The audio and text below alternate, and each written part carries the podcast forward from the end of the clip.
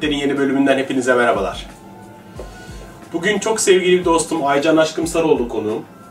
Ee, kendisini gerek medyadaki yazılarından, gerek e, blogundaki paylaşımlarından, Facebook'taki paylaşımlarından, Twitter'dan, Derkiden.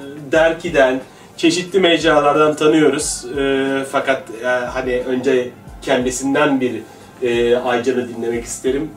Aycan kimsin? Ya hayatın temel sorusu buymuş. Birden bunu beklemiyordum. ben ben kimim ya hemen hemen yanıtlıyorsun Aycan. Ya Aycan bu ben kimim sorusunun cevabını hala arıyorum. Yolculuğumu bitirmedim Ee, ama genel olarak e, söylersek evet gazeteciyim. Ee, bir tane kitabım var. En büyük ilgi alanım olan e, spiritüel konuları işte içinde astroloji, yoga, enerji, sufizm.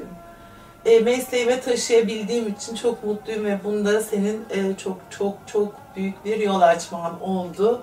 Birlikte çok güzel bir yolculuklar yaptık. E, öyle. Yani gazeteciyim, yazarım, insanım. Tabii Aycan yol açtık diyor. Bizim Aycan'la hikayemiz çok ilginçtir. Ee, hani bunu e, ben daha önce kariyerim evrene emanet yazısında e, anlatmıştım. Şimdi ben üniversitede e, asistandım ve artık doktora aşamasına yaklaşıyordum. Artık hani evren bana e, hocalarım aracılığıyla bir şey sordu. Yani ne yapmak istiyorsun Hasan? Yani üniversitede kalmayı mı da istiyorsun? E, yoksa bambaşka bir şey mi yapacaksın ama o yapacağın şey belli değil. Yani e, hani devlet memurusun aslında bir yandan hani bizim herkesin herkes derken böyle annelerin babaların böyle güvence dediğinin kır, yani kralı e, tam böyle sırtın devlete Hayat de- garanti. Hayat garanti. Üniversitedesin, rahatsın. Ee, hani maaşın yatıyor, bir şeyi yok, o yok, bu yok falan böyle her şey rahat. Hani bu yolda devam edebilirsin. Ama bir yandan da yapmayı istediğin bambaşka bir şey var. Ve o gün çok iyi hatırlıyorum. Hani e, sevgili hocam bana bir karar ver demişti ne yapmak istediğine dair. Ona göre yol, yoluna devam et. Eğer üniversitede devam edeceksen e, doktoraya devam edeceksin. E, ve hani bu yaptığın diğer işler işte çeşitli yazarlıklar falan geride kalmak durumunda. Ama eğer sen e, diyorsan ki ben başka şeye gideceğim artık hani okuldan ayrılmanı öneririz sana diye bir e, seçim e, önerdiler. Ve ben o gün gittim hocama dedim ki ben burada e, değil de ben kendi istediğim yolumda devam edeceğim dedim. Ama bir yandan da her tarafım uçukla dolu söyleyeyim. Burnum böyle uçuk uçuk dolu. Çünkü hani bilinmeyene doğru atladım. Ve atladım. O anda atladım. Eve doğru gidiyorum böyle. Ee, Ankara'dayım. Ee, benim sevgili Reiki hocam Gülüm Omoy'un evine gidiyorum. Biraz böyle hani kafayı dağıtayım, ne yapacağım ne derim hiçbir fikrim yok çünkü. Gittim, böyle oturdum, anlattım. Sonra e-maillerime bakayım dedim. Tak diye bir e-mail geldi. İşte Aycan Sarıoğlu. Ee, ben Aktüel dergisinde e, yazıyorum. Sizin spiritüel kadını nasıl e, tavlarsınız yazınızı okudum. Sizinle bir haber yapabilir miyim? İşte benim şu programı izleyene kadar yani bu programın size ulaşmasına gelen noktayı e, şey yapan nok yani hani kaderdeki dönüşlerden bir tanesi odur hayatımda. Yani çünkü e, o me- mailden sonra ben o hafta sonu İstanbul'a gittim. Evet tanıştık çok. Tanı, tanışmamız da çok ilginçti. Ben tanış buluşmadan önce bir kadının yüzü geliyor yüzümün önüne.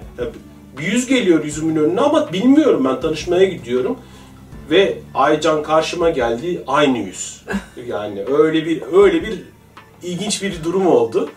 E Sonra oturduk orada kaynaştık, ettik. Sonra... Hasan ben o oradaki ruh halimi anlatmak istiyorum çünkü çok heyecanlı. Şimdi 99'da ben Aktüel dergisine girdim ve hayatımın e, en heyecanlı gazetecilik açısından yılları orada ve çok zor bir yayın yönetmeniyle çalışıyorum. Hiç spiritüel konularla ilgilenen bir insan değil fakat e, ilk girdiğimde hiçbir haberimi kabul ettiremiyordum. Bu arada ilk kabul ettirebildiğim haber bir gece Akrepler Gecesi olacaktı Türkiye'de. E, o zaman Yasemin Boran hazırlıyordu. Ve ben gazete küpüründe bunu gördüm. Dalgasına yani önerdim. E, o zamanki yönetmenim Alev Er. Ha bu ilginç bir habere benziyor dedi. E, ilk kabul ettirdiğim haber bu. Tabii ben de biraz kokuyu aldım. Demek ki herkes her alanı tutmuştu. Yani ve ilgim de olan bir alan. Başladım. E, bu konuda ilginç haber e, bu aramaya ve sanıyorum Aktüel'in o zamanki kapak haberlerini de yavaş yavaş 99'dan bahsediyorum. Daha bu e, olaylar hiç yok. Yavaş yavaş spiritüel konular oldukça dergi tiraj almaya başladı. Satıyor. Satıyor ve ben de her pazartesi toplantısı çok e, ger- gerilimli geçer çünkü flash haber bulmak zorundasınız. Ek, o dergi satın aldıracak çünkü zaten gazeteler her şeyi yazıyor falan. Google'a şöyle kafama göre spiritüel, kadın, tavlamak diye girdim. Hiçbir beklentim yok. Tabii ben o zaman bunun iç ses olduğunu o kadar bilmiyorum. Yani bir kaderi randevu olduğunu bilmiyorum. Sadece haber aradığımı düşünüyorum. Ve karşıma spiritüel kadın nasıl tavlarsın? bir sit- böyle bir şey olabileceğini bile düşünmemişim. Düşünmemişim ve o an böyle flash bir haber yakalamanın hani böyle mutluluğu da içindeyim. Hemen yazdım ve cevap geldi. Yani inanılmaz bir deneyim. Ve yani sonra o işte başka köşe yazılarına konu oldu, haber falan ama tabii ki bir şeyi başlattı, yolculuğu başlattı. Tabii şöyle bir şey de var hani şu nokta e, bir an e, hani konuşulması gereken bir nokta diye düşünüyorum. Hani Türkiye'de şimdi 99'da e, bahsediyorsun. Şimdi Türkiye'de bir tabii spiritüel haber ve gazete yani spiritüel medya geleneğini hani bir zamanında çıkan derginin adı Fenomen miydi? Fenomen değil de Bilinmeyen, bilin- Atanier'un. Evet. Ben ona da e, çeviri yapmıştım zamanında. Yani o, o, Kaderim grup, o grup başlatmıştı. Evet. Sonra Atanürün hala devam ediyor zaman zaman. Fakat hani onun dışında hani e, bu tarz haberleri yapan yoktu. Evet. Hani senin zorlamanla biraz oldu diye tahmin ediyorum. Hani başka da hatırlamıyorum ben. Çünkü o dönemlerde sen, sen sürekli dinliyordun. Sonra Zeynep'in köşesi başladı.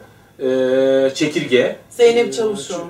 E, Çavuşoğlu muydu? Çavuşoğlu diye hatırlıyorum. Evet. Ee, soyadını yanlış hatırlıyorsa kusura bakma bir an şey ol. Böyle konuşurken bir şey bir not anlatacağım şimdi size. Ya daha doğrusu bir şey. Şimdi Charles Richardson Oprah Winfrey'e çıkmış. Oprah Winfrey'e çıkmış. İşte konuşuyorlar, ediyorlar falan. Bir isim soruyor Oprah. Yani daha doğrusu 5 dakika önce içeride anlattığı konuyu anlatıyor. Shirley şey diye kalıyor. Kık diye kalıyor. Hiçbir şey, hiçbir şey hatırlayamıyor falan. Sonra Oprah onu topluyor. O anda Louis Hay de yanında. Louis diyor ki bazen diyor şimdi zamanında olduğunuzda hafızanız çıkabilir. Yani daha doğrusu devreden Uçar. çıkar. Uçar. Hmm. Şimdi zamanında olduğunuzda çünkü o tarz ayrıntıları hatırlayamayabilirsiniz. Yani eee, bu yüzden hani bir an şu anda ikimizin de böyle kaldık Zeynep. Çekirge Zeynep diyelim. Ha, biliyorlar. Ama sanıyorum Zeynep Çavuşoğlu. Yanıl ben de yanılıyor olabilirim. Kusura bakma Zeynep eğer yanlış hatırlıyorsak. Eee, ondan sonra eee, hani şimdi artık Şimdi artık çok arkadaş var. çok arkadaş var. Mutluyum da. Hatta e, dalga geçilen haberlerin bugün e, hafta sonu eklerinde en çok okunan, iki sayfa bazen açılan, e, dergi kapaklarını süsleyen e, bir hale gelmesine çok mutluyum. Açıkçası kendimin ilk defa burada hani alçak gönüllülük yapmayacağım. Çok büyük bir payım olduğunu düşünüyorum. Çünkü biliyorsunuz hani taşı e, eriten şey suyun sürekliliğidir derler. Yani 99-2005 arası aktüelde çalıştım 6-7 yıl boyunca sürekli bu konunun üzerine gittim. E, astrolojinin e, özellikle e, çok yayılmasına hizmetlerim oldu diye düşünüyorum. Diğer enerji terapileri, yoga, e, yoga değil ama pin kodundan tutun işte e, Bir sürü haber Her türlü reenkarnasyona, her bir sürü haber yaptım. Enerji terapilerine, doğu bilgeliğini aktaran e, şeylere. E, kusura bakmasınlar 99 öncesi bir dönem de öyleydi. Türkiye'de bu tür konularla ilgilenen e, insanlar küçümsenirdi. Ama ki- şimdi artık kesinlikle böyle bir şey yok. E, şu anda çok saygın bir yerdeler ve ben bunu daha da e, Bu arada Nilgün de yanılmıyorsam Güneş'te köşe yazıyordu. Onu Evet. da hatırlayalım. Evet. Eğer arada hani daha önceki dönemde yazdığımız ve unuttuğumuz hani isimler varsa da affetsinler bizi. Ya Yani daha çok biz burada hani daha göz önünde olan popüler medyadan yani çünkü sonuçta aktüel aktüel. O Bir zaman a- öyleydi. Tabii evet, a- evet. amiral gemisiydi o Amiral zamanlar. gemisiydi. Ki hani şimdi açıkçası dergicilik eskisi kadar çok şey değil. Ee, hani yavaş yavaş tirajları kaybediyor, eski etkinliğini kaybediyor internetin yayınlamasıyla beraber. O zaman aktüelin artık hani e, O zaman tirajları- aktüel aktüeldi. Gündem belirleyen dergiydi. Hala tabii aktüel çok güzel haberlere imza atıyor. O, e, benim ayrı, o- ilk o- göz o ayrı. ama gündem belirleyen dergiydi ve e, aktüelde bir haber çıkıyordu. Sonra büyük gazeteler onu e, alıyorlar. alıyorlardı.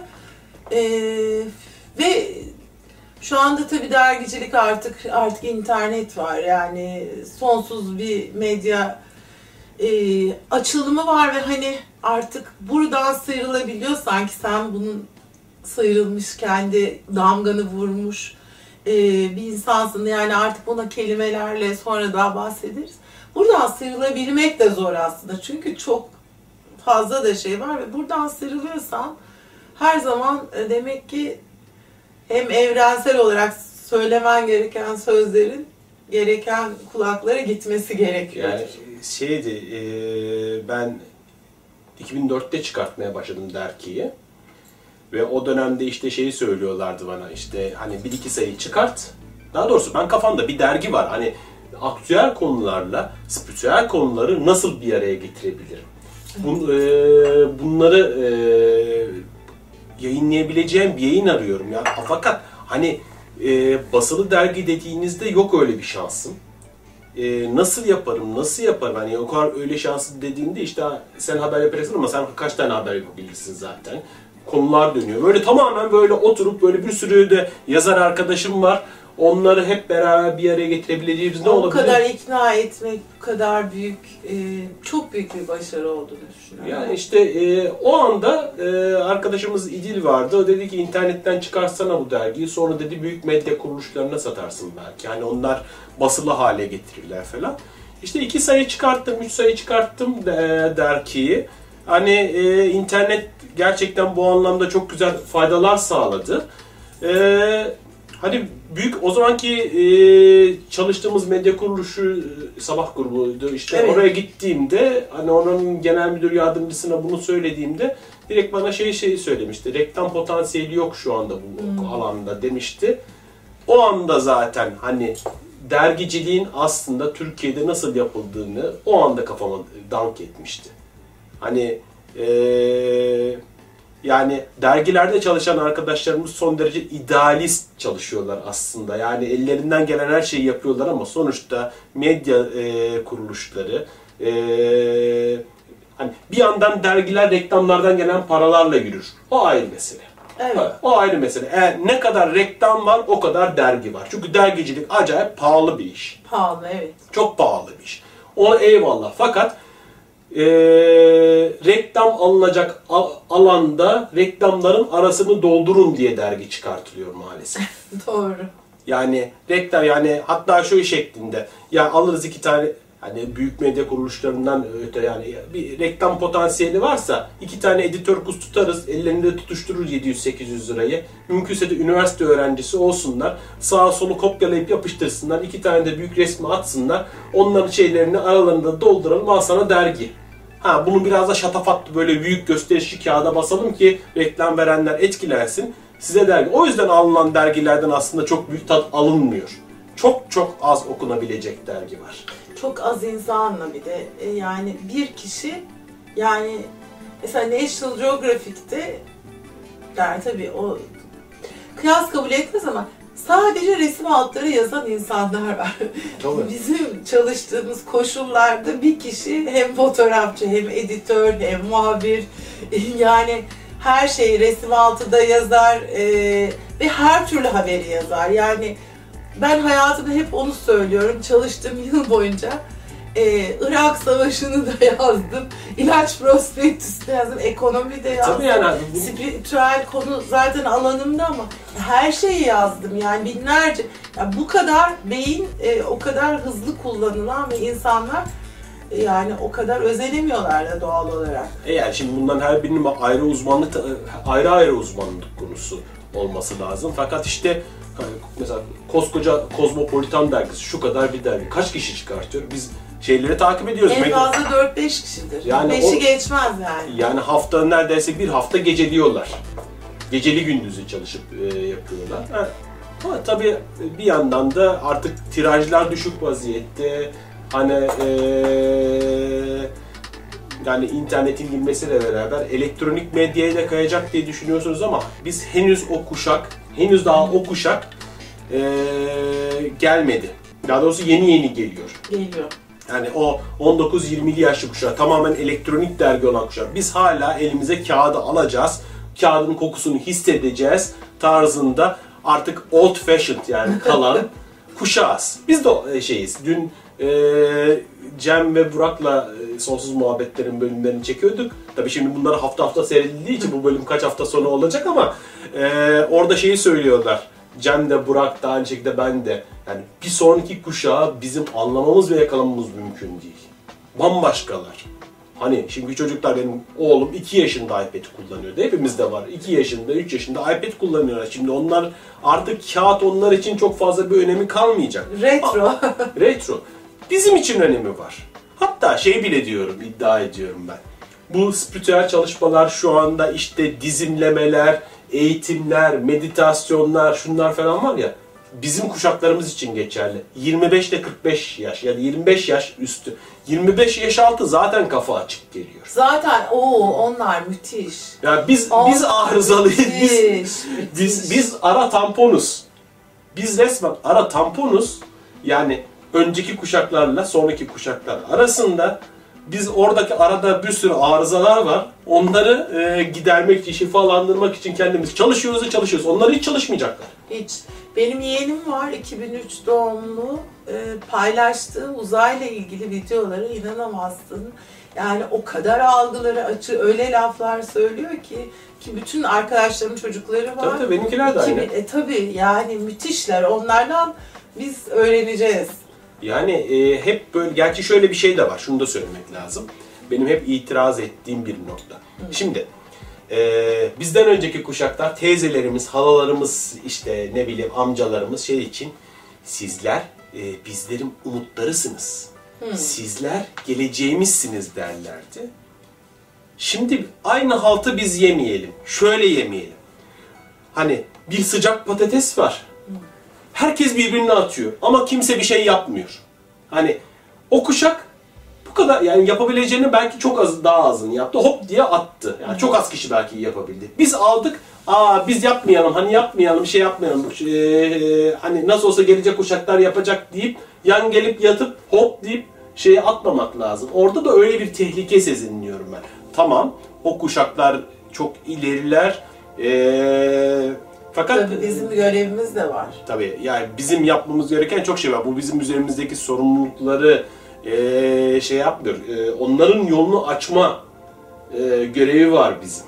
Görevimiz var. Ben bir şey söyleyeceğim. Hani reklam almaz dedin ya. Bir şey düşünüyorum. Bir kere e, ben astrolog değilim ama astrolojiden epey anlıyorum. Bu ülke zaten hani su üçgeniyle doğmuş. Yani akrep burcu olan, yükseleni ikizler olan ama e, yükseleni yengeç olan, işte tam tepede balık olan mistik bir ülke. Bunun, buranın toprağı, yani burada yani buranın zaten hep Öner Bey falan Öner Döşer sevgili dostumuz hep yazdı ki burası çok özel bir ülke ve özel bir yer. Yani burası zaten görevlerinden, misyonlarından biri. Yani burada spiritüel konular her zaman bence ilgi Yani- görür. Yani Anadolu Görmemesi mümkün değil. Tabii o zamanlar öyleydi de şimdi bakıyorsun işte Doğan grubu pozitifi çıkartıyor. Evet. Ve sonuçta reklam da alabiliyorlar. Evet. Oradaki arkadaşlarımız da ellerinden geldiğince bu konuları tanıtabiliyorlar. Çok şükür ki artık, yani hani 99 dediğine hatta ben 95'te bu işe başladığımda şu kadarcık bir raftaydı kitaplar. Evet, Çok iyi hatırlıyorum. anda- Tabii tabii şu anda Evet. koca koca raflar, e, yüzlerce binlerce e, kitap ki yurt dışında hani kocaman kocaman kitap evleri var. Sırf bu kitaplara ayrılmış. Hani bizde bile ha- bizde halen yani çok olmasına rağmen, çok görünmesine rağmen ama ben orada hep şeye takılırım. Yani yani arkadaş hep dışarıdan ihraç şey yapıyoruz, ithal ettik. Hep dışarıdan ithal Evet, ettik. evet, Hep evet, dışarıdan evet. ithal. Yani eee, Amerikalılar doğudan alıyorlar bilgiyi. Kendileri işte onu kendi özel öğütüyorlar, şey yapıyorlar. Ticari hale getiriyorlar, tüm dünyaya dağıtıyorlar. Hani çok az kişi gerçekten hakikatini Amerika'da da ya da oradan gelen bilgilerde güzel hakikata uygun eee, davranıyor diye düşünüyorum. Ama esas bizim kaynağımız burası Aycan. Kesinlikle. Ya sen kesinlikle. de orada bir sürü haber yaptın bununla ilgili. Ne kadar hani e, bilmesek bile tanımadığımız ne kadar çok şey var. Çok. E, Kendi kültürümü, kendi içimdeki zenginlikleri, buranın e, kar, karışık... Ya bir de mitolojiyi takip etmek e, ve bu topraklardaki versiyonlarını keşfetmek de çok heyecan. Ama ben yani eleştiri gibi değil ama Türkiye'nin biraz sorunu. Her konuda biz böyleyiz. Yani haber kabul ettirirken de mesela eskiden işte böyle bir Avrupa dergisinde atıyorum işte Science dergisinde böyle bir haber çıkmış. Hani sen bir haber beğenirsin ve bunu kendi özgüveninle inanırsın, sunarsın. Eskiden hele böyleydi. İkna olmuyorlar. Yani illa bir onay mekanizması istiyorlar. Yani bu Türkiye'de e, böyle bir sorun var. Bunun Vamık Volkan'dı galiba. Osmanlı İmparatorluğundan e, sonra Cumhuriyet kurulup bir travma yaşamış biliyorsunuz işte. Travmalar öyle kolay temizlenmiyor. Ülkelerin de şeyleri oluyor. Hep bir onay. Yani Batı karşısında o eskiden e, şey olmuş olmanın, e, bir kötü, kötü duruma düşmüş olmanın Osmanlı'dan sonra. O yüzden ama bu da değişiyor. Ve bugün e, yazarlar çıkıyor işte bunlardan biri de sensin. Özgün yazıyorlar. Buraya dair yazıyorlar. Buranın gözlemleriyle yazıyorlar. Ve bunlar birer yıldız oluyor. Buranın insanı bence belki 10 yıl içinde yurt dışında konferans verecekler. Bir Hasan Sonsuz Çeliktaş verecek. Bir başka arkadaş Metin Hara verecek. Başka insanlar verecek. Bu, bu çünkü buranın bu zenginliği, burası üç dinin de e, merkezi. Yani burasının toprağını şey yapsan zaten enerji çıkıyor. Yani artık yani işte ben mavi mesela, dinin ondan önce pagan dönemi var. Yani mesela The Wise'ı benim işte hep hayalimdi. Hani e, uluslararası bir yayın olsun, İngilizce olsun, buradan topraklardan doğan bilgiler dışarıya çıksındı. E, Yani şu anda 17. sayısına geldi Wise. İki buçuk seneyi geçti. Hani Amazon'da yer alan tek Türk dergisi aslında buradan doğup oralara giden. Müthiş bir dergi. Yani ve bana sürekli olarak şu tepkiler... çok şık yapıyorsun ya. O kadar şık estetik olarak da mükemmel. Çok beğeniyorum. Ya, herhalde evren hazırladığı için. Sonuçta iletişim fakültesinde eğitimini aldım, reklam atölyesinde benim hocam vardı Mehmet Sobacı onu takip ettim falan. Öyle şey o bize bir göz kazandırdı. Evren bir şekilde bu misyona hazırlamış diye düşünüyorum. Fakat yani şöyle mailler gelmeye başladı. Siz Türkler şu ana kadar neredeydiniz? Ve açıkçası hani bazen bazı yazılar geliyor oluyor benim elime e, hazır çevrilmiş gelen işte şu olan bu olan. Bazen baktığımda hani bilgi seviyesi biraz daha e, diğerlerine göre çok sığ gelen yazılar öyle ama hani hazır İngilizcesi varken de bunları şey yaparım. Aa, bir tepkiler geliyor. Oh wonderful, marvelous, amazing. Lan diyoruz biz böyle gülüyoruz burada lan diyoruz siz bunu amazing diyorsanız. Hani yazıyı aşağılamak için söylemiyorum yanlış anlaşılmasın Yok. ama diğerlerine göre daha hafif kalıyor yazı. Çünkü adamlar o kadar bilek sığlığında şeyleri alıştırmışlar ki. Ha bu hepsi anlamına gelmiyor bu arada onu söyleyeyim. Bu hepsi anlamına gelmiyor. Yani bizler çok e, yurt dışındaki e, şey, e, yazarlardan o kadar çok şeyler öğrendik ki Onlar eyvallah bir Eckhart Tolle'den öğrendik, Oo, Dan. Dan Millman'dan öğrendik, Louis Hay'den öğrendik. O kadar çok o tarz e, üstad olup ama hani s- celebrity'li rolüne girmeyen o hani bunlara e, en büyük bu tarz üstadların en büyük yaşadığı sıkıntı da bir noktadan sonra bu kadar övgü falan gelmeyince hani havalara girme oluyor, kendi benliğini kaybettiğinde pozitif ego- egoya kaptırmak oluyor. O dengeyi tutturabilmiş insanlardan o kadar çok şeyler öğrendik ki onlara amenna başımızın üstüne. Ama o kadar yayılıyor ki bu bilgiler. Yayılıyor ve bu noktada şey ortaya çıkıyor. Hani bunu nasıl paraya çevirebiliriz? Ya zaten daha ben mesela dergiyi çıkartmaya başladığımda bana hep soru şey geldi. Sen bunu nasıl paraya çevireceksin? Ya bir dakika demiştim hani eee, ben öncelikle bunu paraya çevirmek için yapmadım. Hani tam, tabii ki gerekiyor o ayrı. Parasız Aynen. hiçbir şey yapamıyorsun. Hani açıkçası ben dergiyi halen de paraya şey çeviremedim yani para kazanma şeyini kuramadım sistemini çok beceremedim ne yalan söyleyeyim. Ama orada 3000 tane makale oldu, bir sürü yazar çıktı, bir sürü insana bilgi ulaştı. Ha, Evren başka kanallardan yolladı şeyi, parayı, gereken şeyi, desteği falan. Onlar ayrı şekilde yani Evren bir yola çıktığın zaman zaten eee, sen, sana ne gerekiyorsa e, yolluyor. Sen gerçekten o yola doğru çıkarsan, adımını atarsan sana ne ihtiyacın varsa senin arkandan geliyor. Bir de senin yaşam görevinle onun ilintili olması lazım. Değilse yol falan yol zor açılıyor. Evet, şey Yoksa kendiliğinden böyle çat çat inanılmaz şeyler yani. Cem Şen bana hep şeyi söyler. Oğlum der, bir şey yapmaya başla. Bak, eğer o gitmiyorsa, o olmaması gerekiyordur. Kasma. Ama eğer gidiyorsa o senin yol, yolundur zaten. Yani o yolundur. Ben bunu çok denedim. Yani bununla ilgili enteresan gene aktüeldeyken bir ünlü bir e, o zaman gene böyle tiraj arttırmak için bana dedi e, Alev Bey bir tane kahin bul. Biz onu Türk Nostradamus'u diye sunalım. Hakikaten de buldum bir kişiyi. İsmini vermeyeyim şimdi. Enteresan bir kadın. O zamanlar böyle işte 45 yaşında ama çok karizmatik falan. Ondan sonra evine İz- İzmirli olabilir mi?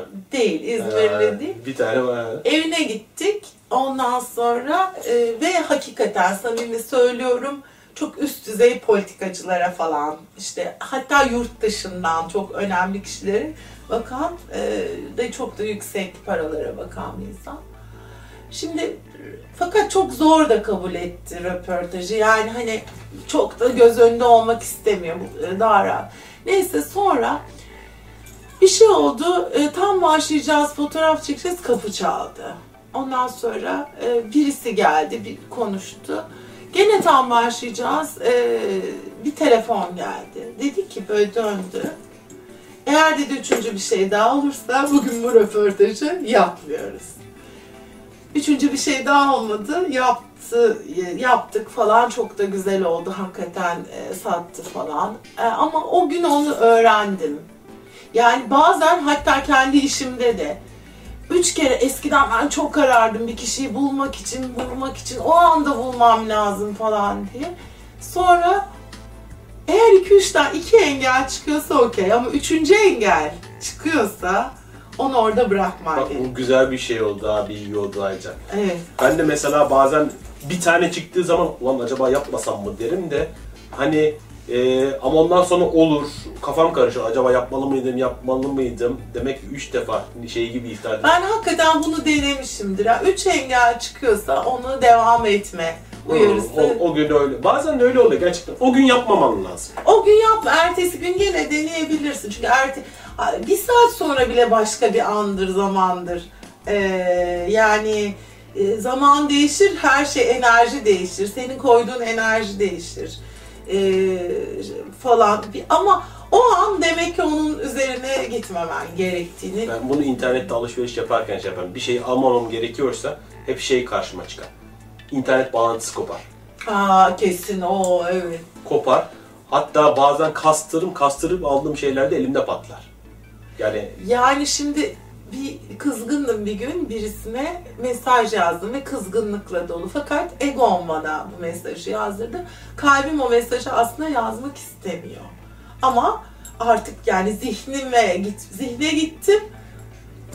Ee, mesaj gitmedi ya. Üç kere falan, üç, o üç kuralını da e, dinlemedim. Gitmedi. Ondan sonra bir an sakinleştim ve iç sesimi yakaladım. Hay can tamam yani senden büyük şeylere senin bu kadar teslimiyetin var gene bunu unuttun dedim. Yani bazen de gider. Çok üstüne gidersen evrenin yapmaman gereken şeyi yap, yaparsan ama bir durup düşündüğün zaman zaten doğru cevap geliyor ama ben de bunları spiritüel yolculuğumdan sonra öğrendim. Eskiden yani bundan 10-15 yıl önce sadece zihinle e, dolaşan bir insanken tabii ki böyle değildim yani. Yani şey, yalnız ben halen bazen çok öfkelenip böyle. Yani o öfkeyle ilgili şey geç, e, geçen e, Halise Baydar çok güzel bir şey söyledi bana. E, ya programda söylemişti ya da bir şifayen mi söyledi hatırlamıyorum. Öfke sınırların bekçisidir. Oo çok güzelmiş. Yani e, sonradan aç, açtığımda biraz e, anlamaya başladım. Yani sizin sınırlarınız ihlal ediliyor o anda demek. Ama siz o ana kadar hayatınıza hiç sınır koymadıysanız çevrenize sürekli olarak öfkeleniyorsunuz. Ama zaten sınır koymayan insan sürekli olarak içine attığı için barut fırçasına dönüyor ben. Yani ben sürekli olarak hiçbir sınırım koyamadığım için sürekli olarak iç, öfkelenip içime attığım için böyle bir yanardağa dönüşüyorum. Ve ne yapıyorsun biliyor musun Aycan o durumda?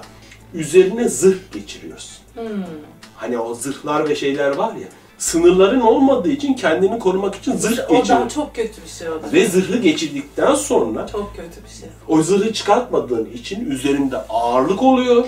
Artı içerisi vıcık vıcık yara oluyor. Öyle bir şiiri vardı. Hava almıyor, nefes Hava almıyor.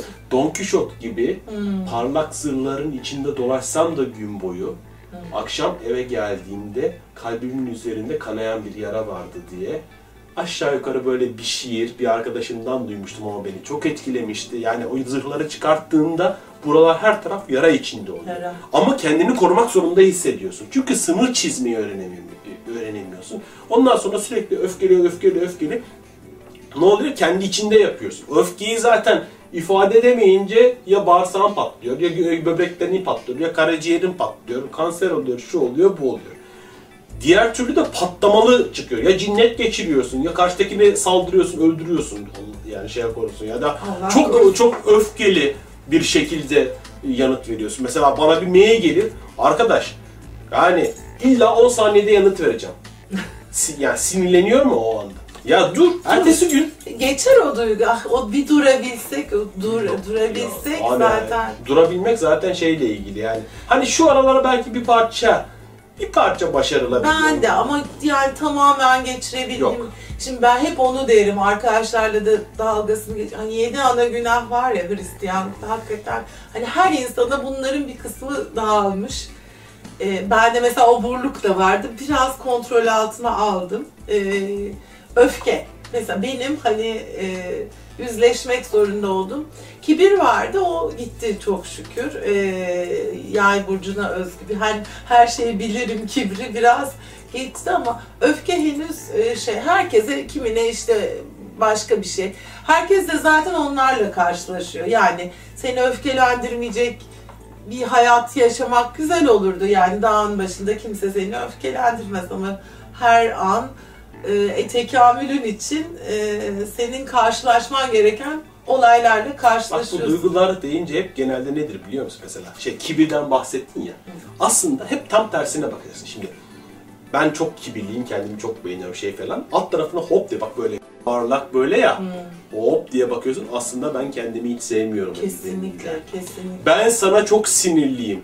Hop ben aslında kendime Kendime çok sinirliyim. çok sinirliyim. Niye? Sınır çizemediğim için gelip benim canımı okuyorlar. Ben de buna gereken karşılığı veremiyorum. Bu kendimi ya da çok agresifsindir. Yine o sınırları çizemediğin için de ne bileyim oburluk. Ben çok yiyorum. Aslında içeride ben kendimi besleyemiyorum. Besleyelim.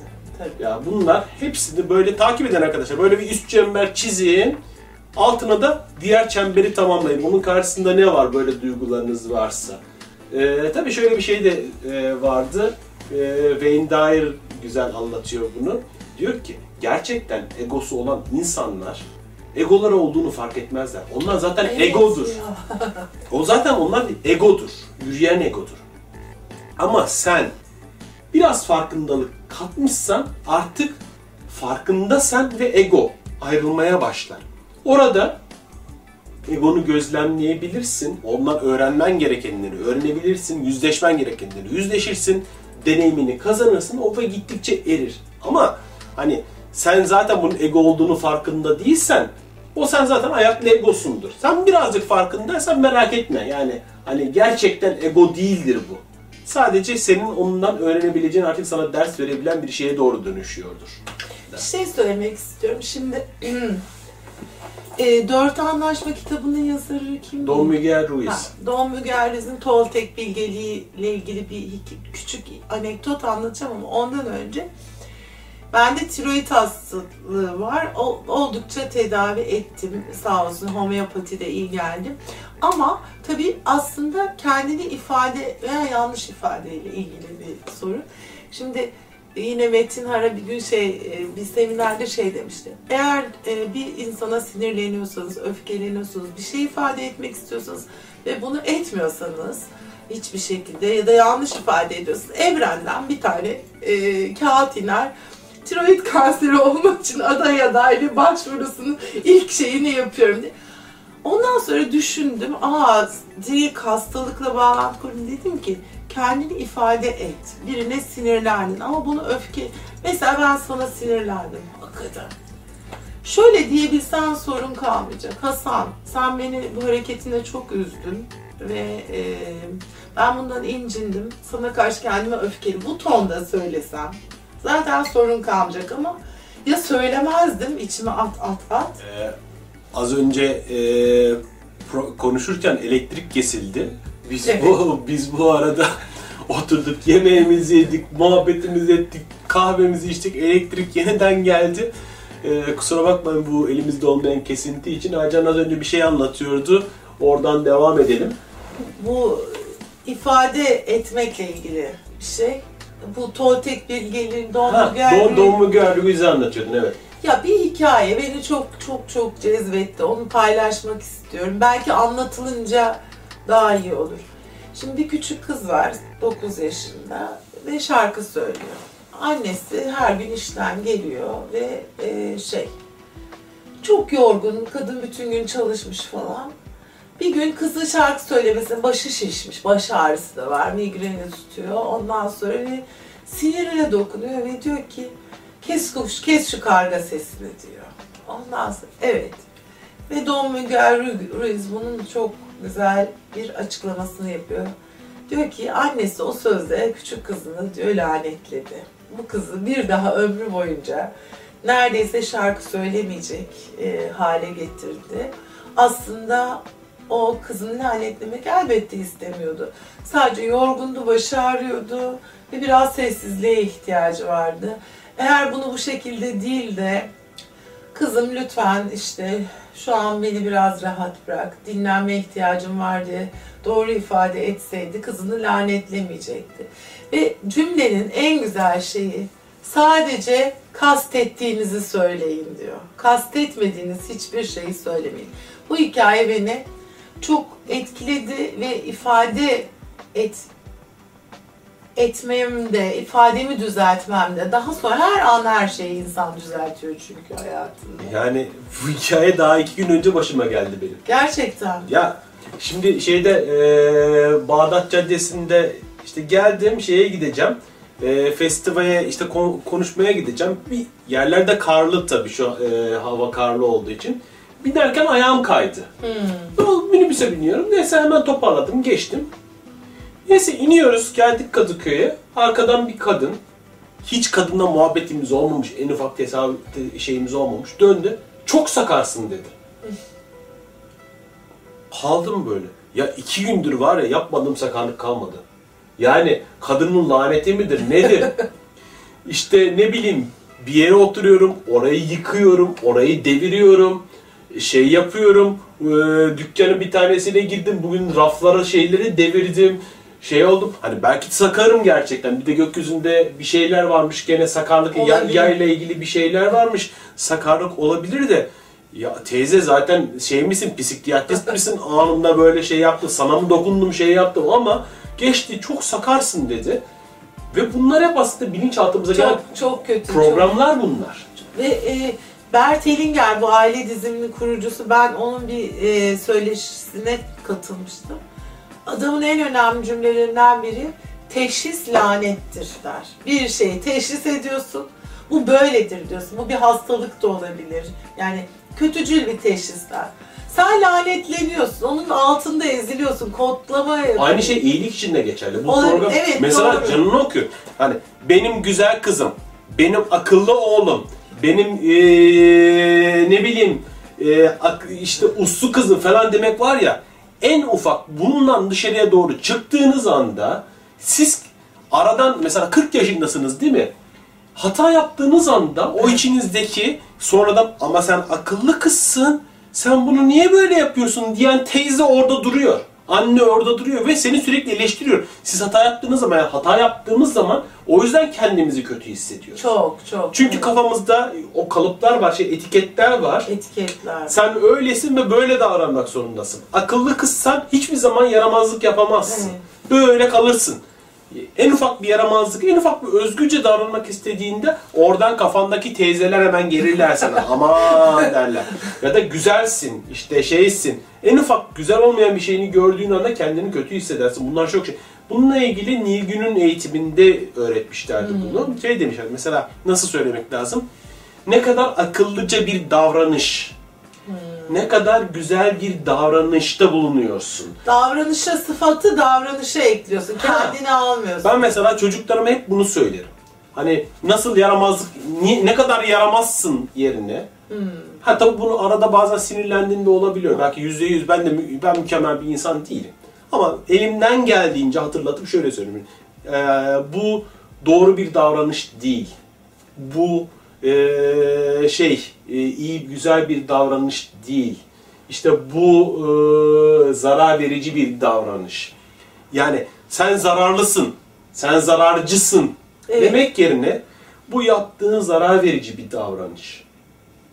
Böyle e, konuştuğunda Ayırıyorsun yani. onu ayırıyorsun. Ama diğer Separasyon. türlü lak diye kafaya bir etiket, lak diye bir etiket, lak diye hepimiz etiketliyiz.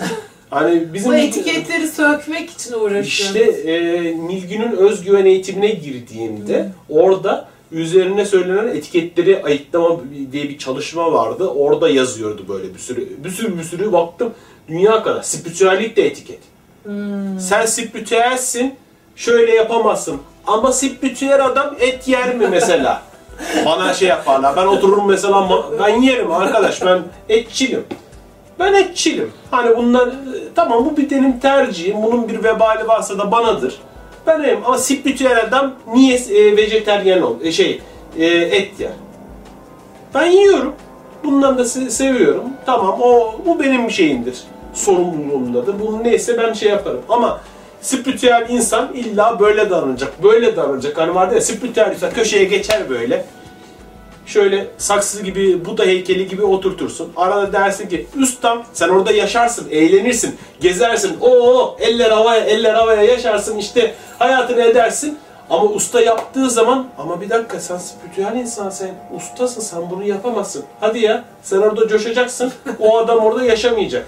Tabii tabii yani bayılıyoruz. O kalıpla kalıplara sokmaya bayılıyoruz. stereotipi sokacak. Anneyle baba da öyle. Anneyle babayı sevişirken yakalamak diye bir şey var. Ay çok güzel. Anneyle baba çünkü seni nasıl üretti? Anneyle baba hücre bölünmesiyle çoğalan varlıklar paramecium, terliksi hayvan gibi duruyordu. Zuk diye çıktın sen ortasın. Anneyle baba sevişir mi?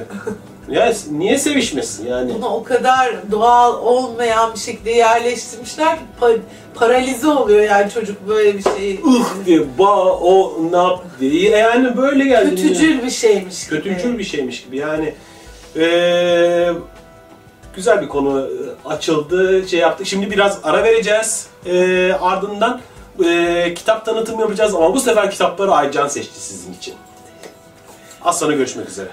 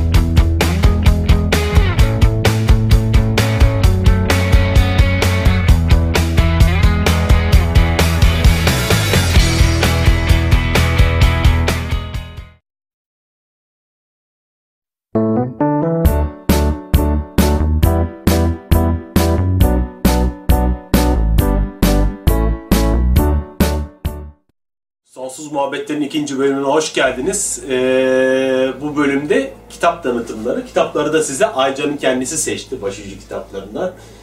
Evet Aycan. Evet, ilk kitabımız Carl Gustav Jung'un Şöyle ben bir yakınlaştırayım.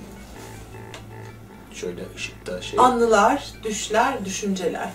Biliyorsunuz Jung kolektif bilinçaltı kavramını e, keşfeden adam. Ben çok hayranım kendisine. Aynı zamanda her erkeğin içinde bir dişil yan anima ve her kadının içinde animus bir erkek yan olan e, olan e, kavramı da keşfetti. Bu hayat hikayesini anlatıyor ve hayat hikayesi üzerinden bir yolculuk yaparken o kadar çok şey öğreniyorsunuz. Jung felsefesini anlatmak istediği şey arketip kavramını kesinlikle Bak şiddetle benim de mesela Jung'u, şimdi Jung, di- e, Jung'la ilgili yazılar okuduğumda, hani daha doğrusu Jung üzerinden yazılar okuduğumda ne yalan söyleyeyim çok sıkıldım. Yazarların belki kendi dillerinde o kadar terimlerle anlatırlar, onu anlatırlar, bunu anlatırlar ki öf gelir böyle yani daha iki paragrafta, üçüncü paragrafa geçemem. Ama hani Jung'u Jung- nereden başladı deyince... Buradan başlayayım. Ben çok kısa bir, bir şey anlatayım bununla ilgili. Kolektif bilinçaltı keşfedişi nasıl oluyor biliyor musun? Hı. 9 yaşındayken ya da daha küçükken bir rüya görüyor. Rüyasında yüzünde fil hortumu olan bir garip bir yaratık görüyor. Fil hortumu gibi böyle şey bir garip, bir süslü püslü bir varlık. Sonra sanıyorum yani yaşlar biraz karışabilir. 15 ya da 16 yaşındayken köy kütüphanesine, pardon şehre gidiyor ve şehir kütüphanesinde eee, bir kitabı karıştırırken Hindistan tanrılarından Ganesh. Aa Ganesh, bilgelik tanrısı. Evet, rüyasında Ganesh'i görmüş 9 yaşındayken. Daha önce resmini bile görmediği, hiçbir şey olmadığı, o anda bir aydınlanma yaşıyor. Demek ki bir kolektif bilinçaltı var. Ve biz bunu görsek de görmesek de eee, bizim o bilinç eee, okyanusundan bizim rüyalarımızda bu geliyor. Zaten rüyalarla da çok ilgili bir adam. Eyvallah, eyvallah. Müthiş bir hikayeydi. Beni çok etkiledi. Yani Ganesh, e, Ganesh deyince de şimdi aklıma şey geliyor. Mısır'da Tot, şeyde Athena. Evet. Yani böyle bir şey. Değişik. Ama bu- Ve diline bakıyorum. Dili de çok basit. Çok basit. Kesinlikle öneririm. Ee, Anılar, düşler, düşünceler arkadaşlar. Ben de öğrenmiş oldum. Ben de bu kitabı okuyacağım. Yani cidden şöyle de bakınca gerçekten çok basit. Çok basit bir evet, kitap. en e, daha başka ç- Jung kitapları daha zorlayıcı. Bu e, müthiş bir kitap. Bunun bir de aşk hikayesi var yani filmini yaptı. Of of. Of. Çok özel bir adam. Yani O biraz şey Freud, Jung ve o neydi kadının adı? e, o da psikiyatrist. Ah bu arada arkadaşımızın adı Zeynep Bölükbaşı. Zeynep affet. Böyle biz ne dedik? Çavuşoğlu. Çavuşoğlu. Aa, Zeynep Bölükbaşı. Evet. Böyle- Çok özür dileriz. Çok iyi, iyi ki hatırladım. İkinci tanıtacağım kadınlar için çok çok mühim olan kitap. Clarissa Pinkola Estes'in Kurtlarla Koşan Kadınlar. Çok Gö- duydum, çok duydum. Gördüğünüz gibi kitap eski çünkü başucu kitaplarımdan. Bunun da özelliği Clarissa Pinkola Estes Jungçu bir Şöyle bir göstereyim. psikiya- psikiyatrist ve bu kitabı çok uzun, belki de 20 yılda falan yazmış.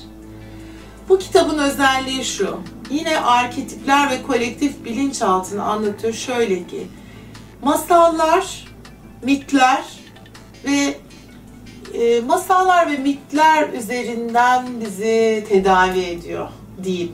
Yani her kadının, özellikle kadınlara yazılmış bir kitap. E, ruhumuzun derinliklerine işlemiş e, masallar ve mitler. Mesela her erkeği, her kadının hayatında bir mavi sakal vardır. Aslında mavi sakal bir erkek arketipi. Kadınlara acı çektiren. Ondan sonra ama kadınlar onu bırakamazlar. Aslında mavi sakal e, masalında mavi sakal kadınları alır ve bir süre sonra onları öldürür. Tabii ki bu öldürme, bu e, Metafor. metafor bir öldürme. Mesela mavi sakal. Mavi sakalı tercih eden kadınların ruhunu anlamak için önce mavi sakal masalını okuyoruz. Sonra o kadınları anlıyoruz.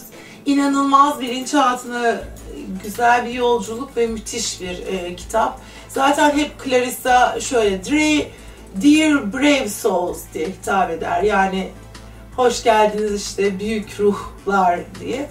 Ve sağlıklı kadınlarla sağlıklı kurtların birbirine benzediğini iddia eder. Dişilik, vahşilik, cinsellik, doğurganlık, sanat, yaratıcılık. Bundan da en en e, ilginç ve öğrendiğim şey şu. Fal bakmak, şarkı söylemek, bir sanatla uğraşmak, bir el sanatı yapmak, e, bütün bunlar kaybolmuş ruhumuzla e, kadınlar için özellikle tekrar bağlantı kurma yöntemleri hmm. ve masal anlatmak. Hmm. Ve e, bu beni çok etkiledi ve bana nasıl bir kadın oldum, niye ben böyle biriydim, ben bu kadından öğrendim. Ben böyle doğmuşum zaten. Hani vahşi kadın arketipine uygun bir kadınmışım. Fal bakan, masal anlatan, evet. Oku, çok da iyi olur. Altında tam vahşi kadın dediğin için. Sizi kara koyun, başıboş buzağa, yalnız kurt diye çağırırlarsa sinmeyin ve kendinizi küçültmeyin anlayışı kıt olanlar uyumsuzların toplum üzerinde yıkıcı bir etkileri olduğunu söylerler. Ama yüzyıllar boyunca kanıtlanmıştır ki farklı olmak toplumun kıyısında durmak demektir. Özgün bir katkı kültürüne yararlı ve özgün bir katkı kültürüne yararlı ve şaşırtıcı bir katkı yapmayı neredeyse garantilemek demektir. Rehberlik aradığınızda küçük yüreklilere asla kulak vermeyin. Onlara karşı nazik olun, onları kutsamalara boğun, hoş tutun ama öğütlerini dinlemeyin. Eğer size bir ara meydan okuyan, adam olmaz, şımarık, kurnaz, asi, itaatsiz, isyankar denmişse doğru yoldasınız. Vahşi kadın yakınlardadır. Evet, çok harika bir bölüm seçtin. Vallahi böyle altını çizmişsin sen. evet, çize çize okudum defalarca. De daha dün e, Cem ve Burak'la yaptığımız sohbette e, kadınların e, özellikle bu, bugünden sonra bu ki dünyada ne kadar önemli olacağına dair konuşmalar yapıyorduk. Onun üzerinde bu şeyin gelmesi, kitabın gelmesi hiç de tesadüf olmadı. bu arada hani biz balkondayız, ters ışık geliyor, e, biraz karanlık görüyorsanız kusura bakmayın. Yani çok uğraştık ışıkla ilgili uğraştık ama hani e, ben burada kendimi biraz karanlık görüyorum ama affedin. Artık bilgilerimize bakın. Şimdi bu bir Parfümün Dansı bir roman. Ha, ee, filmi vardı. Tom Robbins'in. Bu o kadar tatlı bir roman, o kadar tatlı bir roman ki burada e, Kral Alabar'la Kudura'nın aşk hikayesi var ama aslında ikisi de ölümsüzlüğün peşinde ve e, ölümsüzlüğün peşinde bir aşk hikayesi ama hem spiritüel bir şeyler öğrenmek, hem e, mit öğrenmek, hikaye öğrenmek, ritüel öğrenmek, hem şahane bir e, kitap okumak ve yolculuğa çıkmak istiyorsanız bunu öneririm. Mesela Ölümsüzlüğün Sırlarından birinin Bu güzel çekilen koku. değil ama değil değil mi? Çekilmedi bu. Ha parfüm. O parfüm. Katilin hikayesi. Bu tamam. müthiş bir şey. Ee, mesela ben bunu okuduğumda sürekli her gün iki kere banyo yapmaya başlamıştım. Çünkü suyun ölümsüzlüğe giden e, önemli etkenlerden biri olduğunu söylüyordu ve güzel kokuda. Ben de iki kere ee, bu arada banyo yaparım biliyor musun? Aurayı çünkü temizlediğine evet. inanırım. Acayip iyi hissettirir. Bu müthiş, çok eğlenceli, çok güzel, e, çok keyifli bir yolculuk. Hadi dur şuradan perdeyi açalım. Aç bakalım biraz. Arka tarafa size biraz boğaz boğaz seyrettirelim. Evet. Şey gitti. Bakın şuradan İstanbul'u göremeyenler için İstanbul Boğazı'ndan biraz Evet. Neil Douglas Cloudes'un, bu da benim başucu, bu da eskimiş, Sufi'nin hayat rehberi. Bu 99 derste Sufilik bak bu çok önemli bu, bir şey. Bu benim için o kadar özel bir kitap, o kadar özel bir kitap ki anlatamam. Burada Allah'ın 99 güzel isminin ee, son derece müthiş açıklamaları, son derece insanın ruhunun derinliklerine işleyen, ona kapılar açan, onun sorularına cevap veren müthiş açıklamaları var. Oo, gerçekten bak ben bu kitabı bilmiyordum. Bu kitap ne zaman başım sıkışsa, ne zaman bir sorunun cevabını arasam, ne zaman neden böyle oldu desem bir zaten kitapta da diyor açıp sorabilirsin. Açar, sorarsın ve yatışırsın. Meditasyonlar da var Allah'ın güzel isimleri. Hikaye, hikayeleri müthiş. Ee, bir kere çok ilginç bir şey oldu. Bir astroloji haritasına baktım. Kendi Evet, astroloji haritama. Ve kendi astroloji haritamı beğenmedim, hoşlanmadım falan. Ve bir ümitsizliğe kapıldım ve bir soru sordum. Niye böyle geldi? Bana bir isim çıktı ve isimde şöyle bir anekdot anlatılıyordu. Yıllar önce bir e, bilge var, e, şey hükümdar varmış. Oğlunun çok iyi eğitim almasını istemiş. E, Dönemin bütün bilgelerinden, astrologlarından, şuradan buradan dersler almış ve en sonunda bir yarışmayla onun ne kadar öğrendiği ortaya çıkacak. Her neyse e, hoca elinde bir cisim tutmuş e, ve arkasına saklamış çocuğa sormuş. Bil bakalım elimde ne var? E, çocuk demiş ki elinde sert metal bir, bir şey var. Yuvarlakta bir şey var. Fakat bu kadar da kalmış. Bunun üzerine Bilge demiş ki evet demiş sert metal yuvarlak bir şey olduğunu bildin ama bu bir yüzüktü. Yüzük olduğunu bilemedin. Sırların içinde sırlar vardır.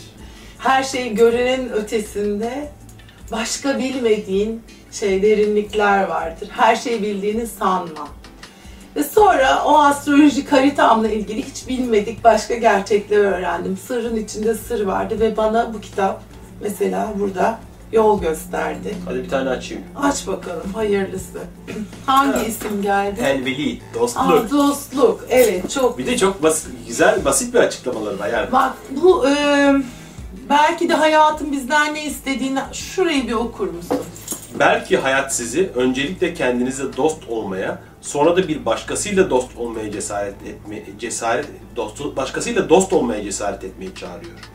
Buna kendinize karşı hoşgörü ve saygı duygularıyla başlayın. Sonra bunun dışınızdaki ilişkilere uygulayın ve onların başkalarına karşı olan ilginizi arttırmalarına izin verin. Yaşam sizi gitgide daha fazla dışarıya doğru çekerken kalbiniz doğal olarak başkalarına uzanacaktır.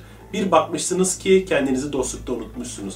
Aa çok güzel bu. Allah'ın yaveli Bu kadar sıfatı. Çok basit. Dostluk çok çok güzel anlatmış. Benim e, çok önem verdiğim. Ya bu kitap e, sahaflardan mı var, piyasada var Bu mı? Doğan kitaptan çıkmış ama umarım yeni basımı yapılır. Ben eve böyle 3-4 tane almak istiyorum ama sahaflardan bulabiliriz.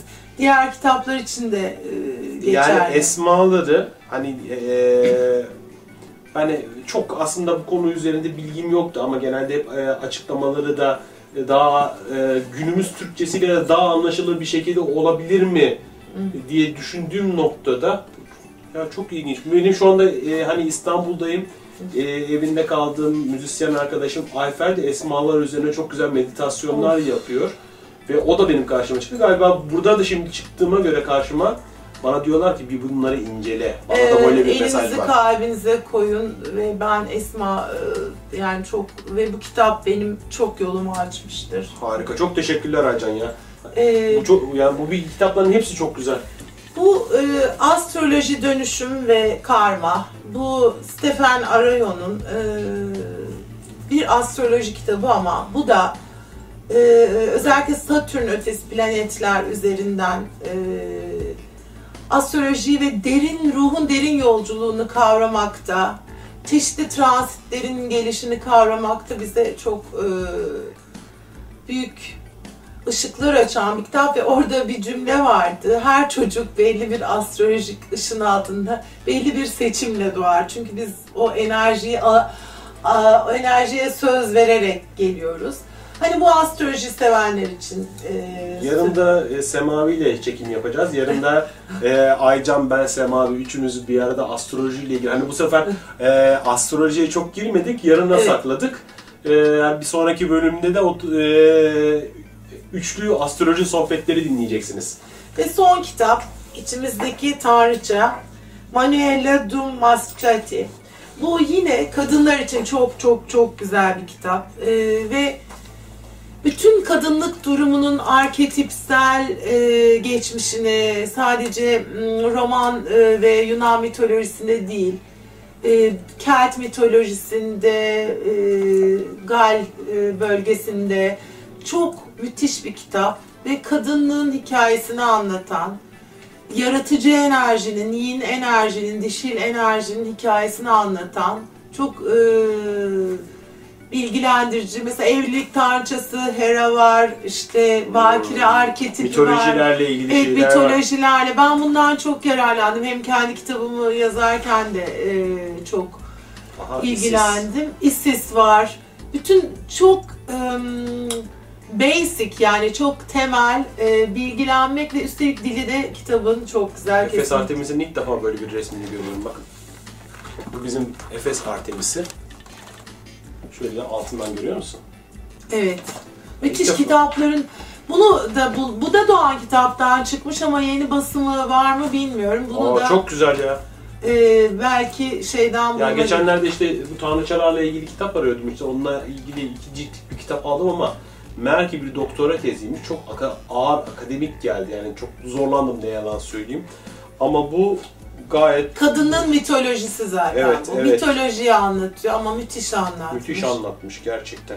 Ya harika kitaplar seçmişsin gerçekten Aycan bunlar çok güzel. e, çok ilgimi çekti. E, hani belki şu astroloji karma dönüşüm biraz astrolojiye uzak daha uzak olduğum için ama diğerlerinde özellikle şu esmalar, Jung hepsi çok güzeldi. Çok teşekkür ediyorum sana. Ben teşekkür ederim böyle bir fırsat tanıdığın için sevgili arkadaşım. Ya Ve çok güzel bir sohbet oldu Veli bence. isminin de gelmesi dostluğumuz inşallah bakidir. İnşallah. Ee, bu hayatta da başka her zaman öyle olsun.